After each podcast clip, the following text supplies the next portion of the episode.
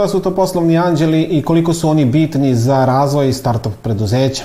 Kako dobiti povoljan zajam od Razvojnog fonda Vojvodine i koja je tajna poslovnog uspeha Nataše i Miloša Padrova iz Novog Sada, samo su deo priča koje vam danas donosimo. Poštovani gledalci, dobrodošli u još jedno izdanje Biznis Monitora.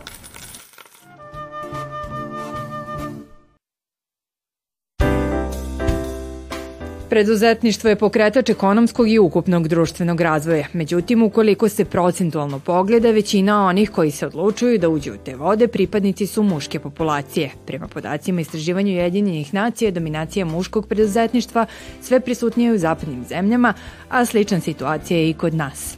Za nas u komori su najvažnije, jer tako, preduzetnici i uopšte mi ne pravimo razliku. Kod nas je apsolutno postoji ta rodna ravnopravnost, znači što više kompanija, što bolji ambijent, to će biti mnogo kvalitetnije za razvoj naše privrede. Panel diskusije kao i kooperacija sa mnogim udruženjima veoma su bitni za preduzetnice jer se tako lakše kreiraju rešenja, ali i prevazilaze problemi sa kojima se one suočavaju. Mi kao fondacija smo posvećeni ekonomskom osnaživanju žena, da nam je u fokusu e, žensko preduzetništvo, ali i socijalno preduzetništvo, odnosno ona, ona, ona socijalna preduzeća koje upošljavaju žene i da tu vidimo veliki potencijal i da zapravo ekonomsko osnaživanje žena vidimo kao put ka rodnoj ravnopravnosti. Ključna reč danas jeste zajedno. Zajedno Privredna komora, sa pokrajinskom vladom, sa nevladinim organizacijom. I rezultat ne može da izostane. I ideja jeste da zahvaljujući stabilnoj finansijskoj politici vlade Republike Srbije mi svake godine uvećamo sredstva koja direktno odvajamo za podršku ženskog preduzetništva. Tako je i u ovom budžetu. Inače, u prethodne dve godine kroz konkurse Pokrenjskog sekretarijata za privredu i turizam direktno za žensko preduzetništvo je izdvojeno više od 170 miliona dinara, čime je znatno unapređen ambijent za poslovanje žena.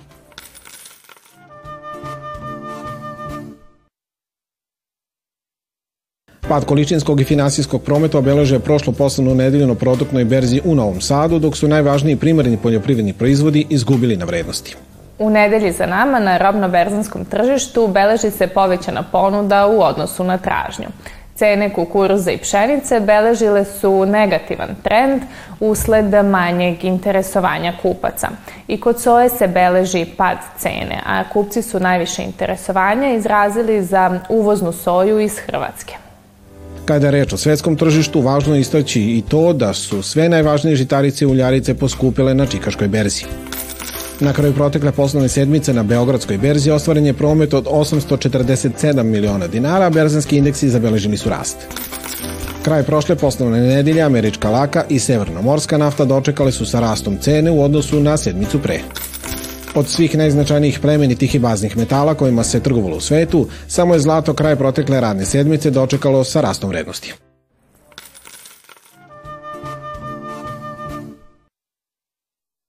Ukoliko je poreski dužnik dobio opomenu od poreske uprave, do sada imao rok od 5 dana da na nju reaguje. Međutim, usled poslednjih izmena poreskih propisa, poreska uprava više ne mora da čeka 5 dana, nego odmah može da pokrene prinudnu naplatu.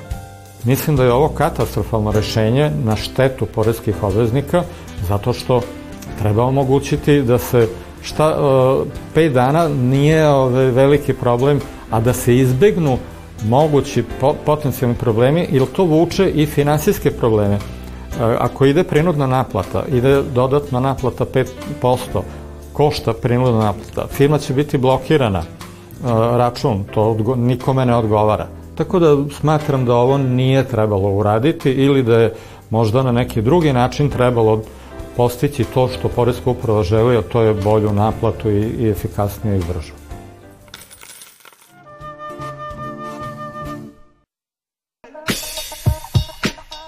Startup preduzeće Tapni bavi se razvojem proizvoda na bazi NFC tehnologije, koja je sastavni deo naših pametnih telefona. Sedište firme, koja ima 15 zaposlenih u više zemalja sveta, danas je u Beogradu, a sve je počelo tako što su trojica osnivača posao započela u Austriji. Mi smo studirali u Beču, živeli smo tamo i iz Beča smo iz Austrije bukvalno slali svoje proizvode po celoj Evropi, celom svetu, familiji, prijateljima, gde god smo znali u doba korone. Ali ubrzo nakon toga smo videli da nam treba investicija, pošto je postojala veća potražnja nego što smo mi mogli da, da postignemo. Kucali smo na vrata i većim e, fondovima koji investiraju u startupove, ali su nas svi odbijali zato što smo bili previše rano. Ran, rano, rano smo zakucali na njihova vrata i nismo bili dovoljno spremni, nismo imali dovoljno iskustva. Osnivači smo uh, startupa po prvi, po prvi put i to, je, to su nekoliko velikih problema koje veći fondovi, investicioni fondovi ne vole da vide. Upravo tu gde investicioni fondovi imaju sumnju, odnosno ne vide dovoljno potencijala, a banke ih uopšte ne uzimaju u razmatranje jer nemaju poslovnu istoriju, za startupe je najlogičnije rešenje da podršku zatraže od takozvanih poslovnih anđela. To su zapravo uspešni privrednici koji žele da investiraju u startupe u kojima su prepoznali potencijal. Poslovni anđeli po definiciji ulažu u ranim fazama razvoja startupa, onda kada je e, startup ima teško da na drugi način dođu do sredstava e, i onda meni kao investitoru u ranoj fazi razvoja startupa je to dobra prilika da e, da, dobijem povrat na uloženo veći i tako dalje. Ovaj, tada kada, kada je to rizično, kada tradicionalni ovaj, finansijeri ne, ne žele ovaj, previše im rizično da ulažu u tako nešto. E sad znate, kad imate kompaniju koja, koja očekuje neki rast, ukoliko ima i finansiranje, ona može da ubrza taj svoj rast. Tako da se najčešće poslovni anđeli pojavljuju kao investitori koji sredstva investiraju u startup kompaniju, a ta sredstva se namenski koriste kako bi se maksimizirao to, taj, taj ubrzani rast poslovanja same kompanije, kako bi kompanija što pre izletela na tržište, izbacila novi proizvod, zauzela svoju poziciju. Naravno da je profit glavni motiv za odluku poslovnih anđela da investiraju u neki startup. Međutim, to novoosnovano preduzeće na taj način, osim izvora finansiranja, dobija i druge vidove podrške, jer na kraju krajeva svim stranama je u interesu da biznis napreduje. Kada ulažem u neki startup, obično e, se potrudim da na još neki način pomognem startupu. Na primjer, kroz iskustvo koje sam prethodno sticao, u nekim slučajima to može da bude mreža kontakata koje imam iz poslovnog sveta i tako dalje. Znači, to je nešto e, što se zove smart money. E, praktično startupi uz sam novac od anđela dobijaju vrlo često i savete, podršku i tako dalje. Za osnivače koji po prvi put osnivaju svoj startup, mislim da je veoma bitno da imaju pored sebe nekoga ko je prošao kroz uh, te muke i kroz taj težak put kroz koji jedan osnivač mora da prođe. Jednostavno to je put koji, uh, koji je težak i kojim se re, ređe ide i uh, ako postoji ta podrška nekoga ko, je, ko ima dosta više iskustva, ko je ostvaren, ko je to prošao, može dosta vremena i energije i novaca da se uštedi. Kod anđelskog investiranja dodatnu snagu, ali i sigurnost daje takozvano grupno investiranje, poput onog koje je organizovala inicijativa Digitalna Srbija, okupljajući najjače i najbolje tržišne igrače koje naša IT zajednica ima. Vrednost je to što nas ima puno, koji imamo iskustva iz raznih oblasti, iz različitih industrija i onda recimo kada nam e, kada analiziramo neke startup i razmišljamo o tome da li ćemo investirati ili ne, dobre, dobre su šanse da neko od nas dobro poznaje e, industriju o kojoj se radi, problematiku i tako dalje i onda su veće šanse za uspehom u odnosu na ono kada e, neki pojedinac razmišlja da li da ovde uložim ili ne, a ne poznajem stvarno taj biznis i, i ne razumem e, šta se tu dešava i da li to ima smisla u kojoj meri i tako dalje. Trenutno je u Srbiji najbolje vreme za osnivanje startupova koje će ikada biti i zato šaljemo poruku svim mladim osnivačima da se usude i da bukvalno izađu iz svoje zone komfora, da, da, da, da pokrenu, da probaju da pokrenu nešto svoje, a, a kada, kada validiraju svoju ideju i kada vide da, svoj, da taj proizvod uh, ima potencijala da ga ljudi žele, da se obrate uh, mentorima koji će zajedno sa njima da rade da taj proizvod uspe. Uh, Business Angeli su tu iz, bukvalno sa najpozitivnije strane da jednostavno pomognu osnivačima da dostanu svoj puni, pun potencijal. Anđelsko investiranje kao i svaki drugi poslovni model ima jasna i nedvosmislena pravila kako u pravnom, tako i u porezkom smislu. Upravo zato, putem projekta Srbija inovira, USAID, ICT Hub i inicijativa Digitalna Srbija objavili su vodič za anđelsko investiranje u Srbiji. Sam vodič ima neke svoje tri, ajde da kažemo, glavne ovaj, sfere koju pokriva. Jedan je ovaj menadžerski aspekt, znači u okviru tog menadžerskog aspekta mi smo probali da opišemo kako izgleda proces anđelskog investiranja, od samih začetaka, od upoznavanja između potencijalnog investitora i startup kompanije do momenta realizacije same transakcije i, da kažemo, formiranja tog partnerstva u pravom smislu te reči. Drugi aspekt nam je pravni aspekt, gde smo opisali, da kažemo, iz pravne perspektive kako izgleda taj odnos. Znači, tu imamo jedan deo koji se odnosi na vlasničko povezivanje, jedan deo koji se odnosi na dužničko povezivanje, gde smo opisali ugovore koji se zaključuju između anđela investitora i start-up kompanija. I treći segment koji je radio profesor Kostić sa pravom fakulteta jeste porezki aspekt. Ako engleski termin business angels bukvalno interpretiramo na srpskom jeziku, to zaista zvuči kao neka mešavina piramidalne prevare i verske sekte. Međutim, to zaista nikoga ne bi smelo da zavara. Radi se o dobro oprobanom biznis modelu koji je brojnim nekadašnjim startupima omogućio da danas budu poslovni giganti.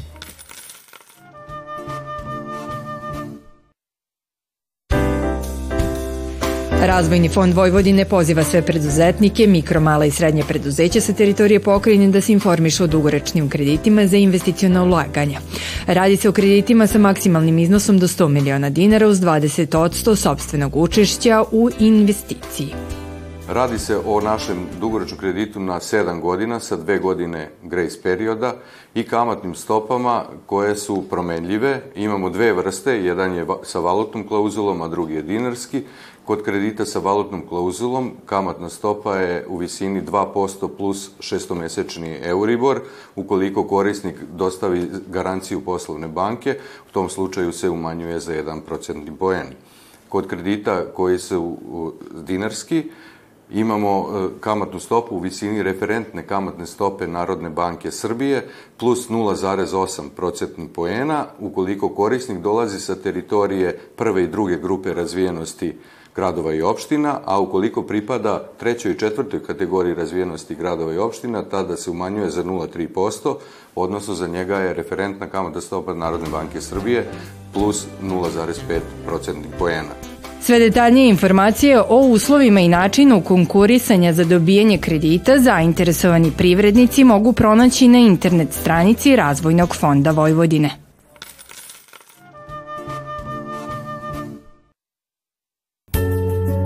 Nataša i Miloš Padrov iz Novog Sada deseta godina su zajednički sanjali san o kuhinji u kojoj će kao sami svoji gazde raditi ono za šta su se školovali. Miloš je kuvar sa iskustvom, a Nataša je diplomirala gastronomiju. Svoj catering nazvali su Brutalika jer su prve reakcije okoline na ono što su u stanju da naprave bile pa ovo je brutalno. Sa Natašom i Milošem u ovoj priči tragamo za receptom kako uspeti u Srbiji.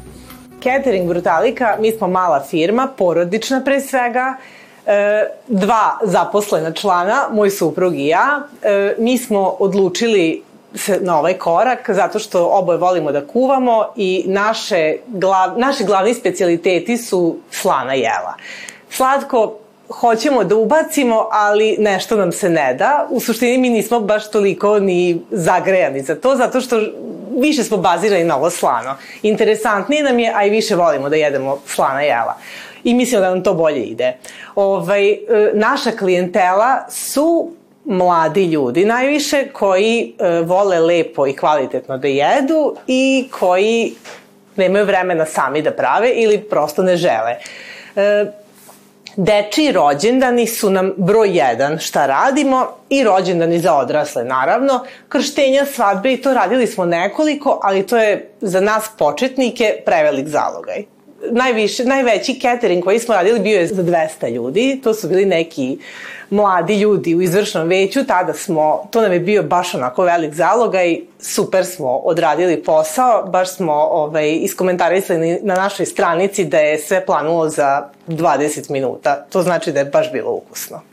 Najviše smo ponosni na naš proizvod, e, to su tortilje. E, imamo ih četiri ili pet vrsta, nisam sigurna, mrsnih i dve, tri vrste posnih. Tortilja, e, bukvalno mislim da ne postoji čovek koji bolje mota tortilje od mog supruga. jako su dobre, ukusne, koristimo najkvalitetnije materijale i na to smo ponosni. Sve ovo naravno nije od juče, ali nije baš ni bog zna od kada.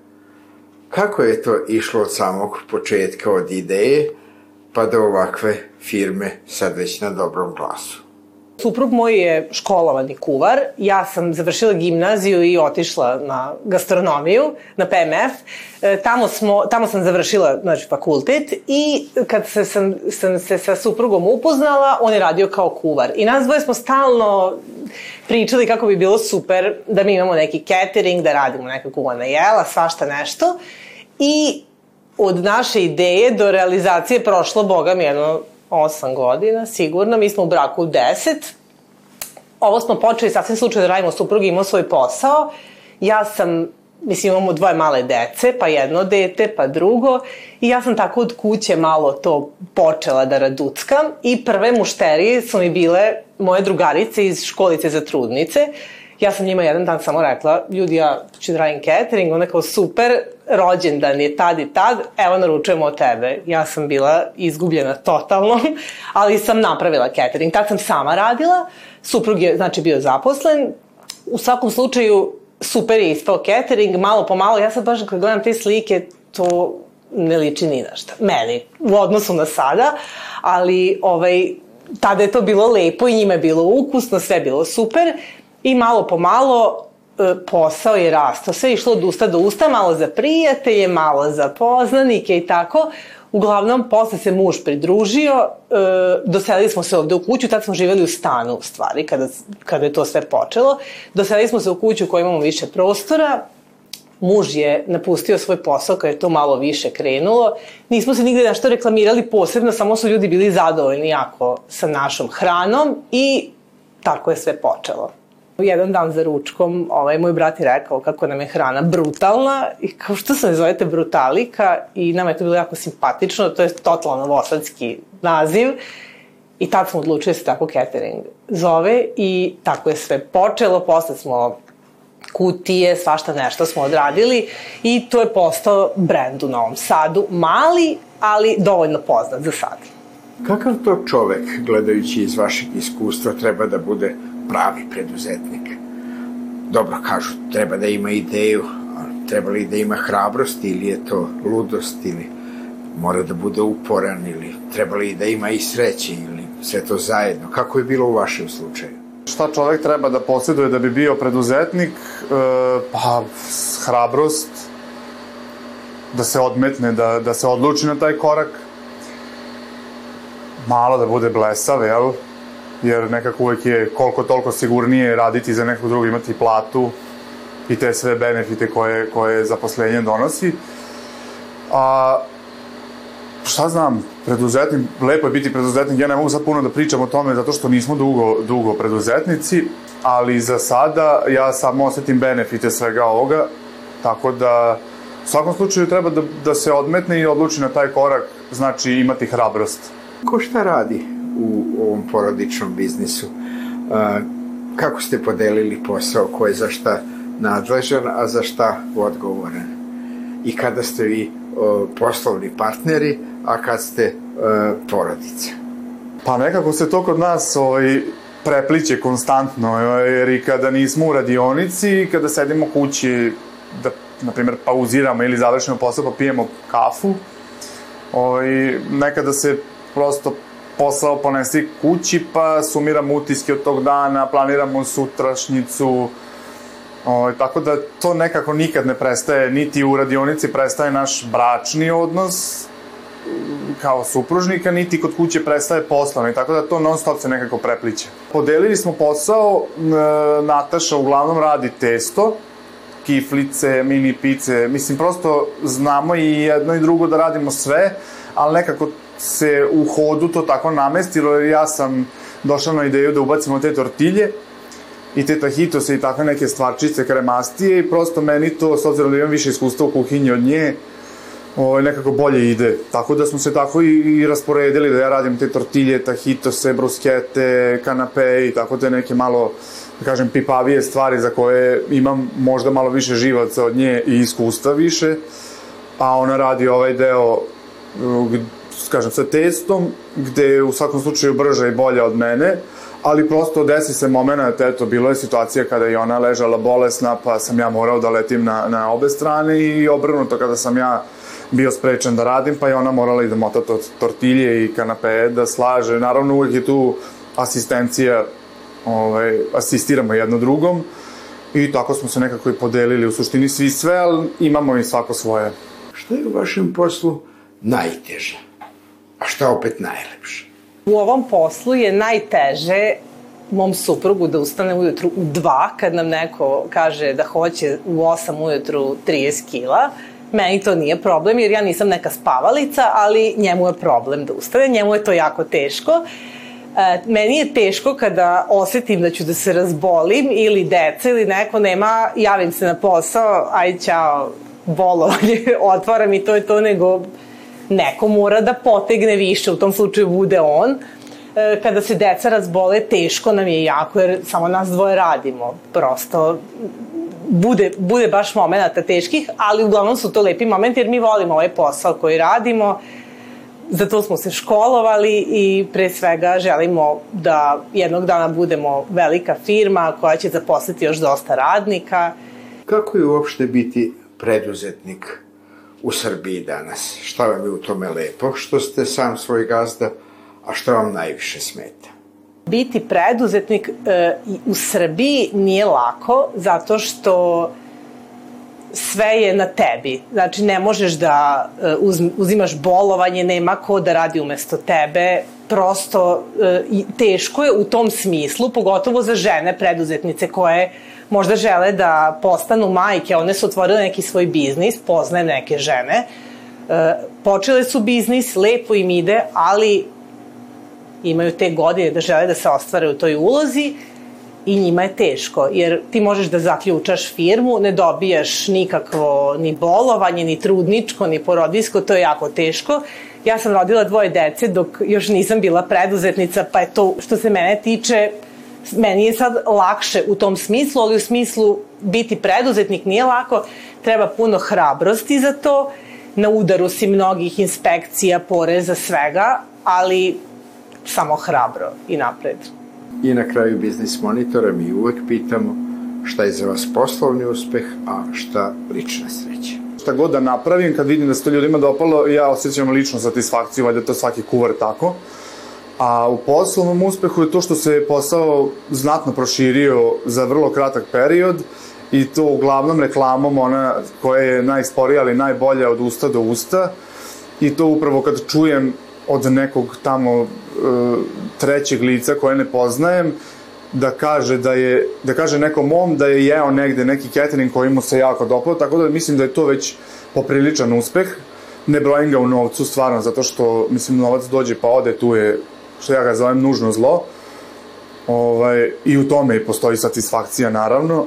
A, a lični uspeh i lična sreća, biti preduzetnik je, s obzirom da sam radio po raznim kuhinjama i to je dosta naporan posao, ovde lično mi se najviše dopada, lični uspeh je to što mnogo više vremena imam za porodicu, odnosno za svoju decu. Sa suprugom provodim dosta vremena jer radimo zajedno. Poslovni uspeh je da E, ljudi imaju samo reči hvale za tebe i za našu firmu, a lična sreća za nas bi bila da uspemo da nađemo neke radnike, da se malo proširimo, potom potom, da nađemo neke radnike koje ćemo moći normalno lepo da platimo, da ljudi vole svoj posao, da mi imamo više slobodnog vremena nego sada, sada ga nemamo puno, E, i za nas bi bila lična sreća da nam se posao razvije, a da mi radimo malo manje nego sada. Toliko za ovaj put. U narednoj emisiji razgovaramo sa generalnim sekretarom Udruženja Banaka Srbije Vladimirom Vasićem, a recept za poslovni uspeh prepisujemo od novosadske porodice Šešum. Vidimo se za nedelju dana u isto vreme na istom mestu. Doviđenja.